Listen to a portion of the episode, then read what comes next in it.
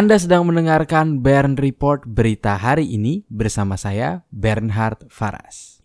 Berita ekonomi dan bisnis.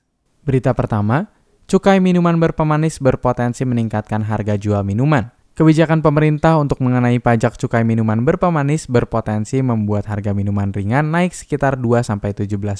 Disebutkan bahwa produsen minuman berpemanis yang memiliki target pasar kelas menengah bawah akan terkena dampak lebih besar dari kebijakan ini seperti Unilever, Mayora, dan Indofood CBP sukses makmur. Berita kedua, proyek kereta cepat Jakarta-Bandung dihentikan sementara. Kementerian Pekerjaan Umum dan Perumahan Rakyat atau yang biasa disebut PUPR memerintahkan pemberhentian sementara proyek kereta cepat Jakarta-Bandung. Pemberhentian ini akan efektif mulai pada 2 Maret 2020 dan berlaku selama dua minggu ke depan. Kementerian PUPR mengonfirmasi pemberhentian tersebut. Alasannya, hasil pengamatan Komite Keselamatan Konstruksi PUPR menyatakan sistem manajemen konstruksi tidak aman dilanjutkan sehingga akan mengancam keamanan pekerja di lokasi. Berita ketiga, negara terima 6,48 triliun rupiah dari lelang barang sitaan lima tahun terakhir. Direktorat Jenderal Kekayaan Negara Kementerian Keuangan atau yang biasa disebut DJKN Kemenko mencatat negara memperoleh pemasukan sebesar 6,48 triliun rupiah dari transaksi lelang pemerintah periode 2015-2019.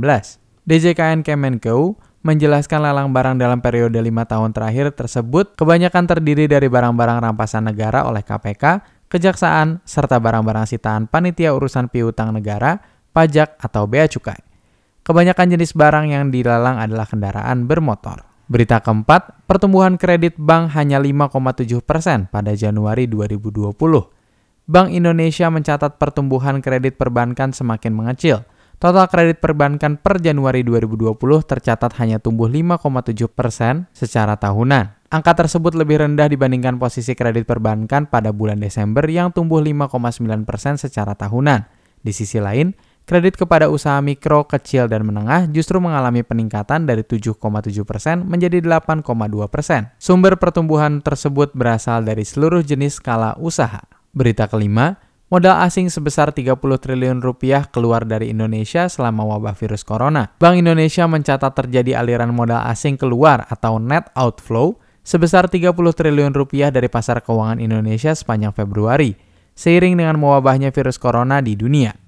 Gubernur BI, Peri Warjio, mengatakan pasar keuangan global memang sedang meradang saat ini. Peri menjelaskan, investor global dalam kondisi ini memiliki kecenderungan melepas investasi portfolio.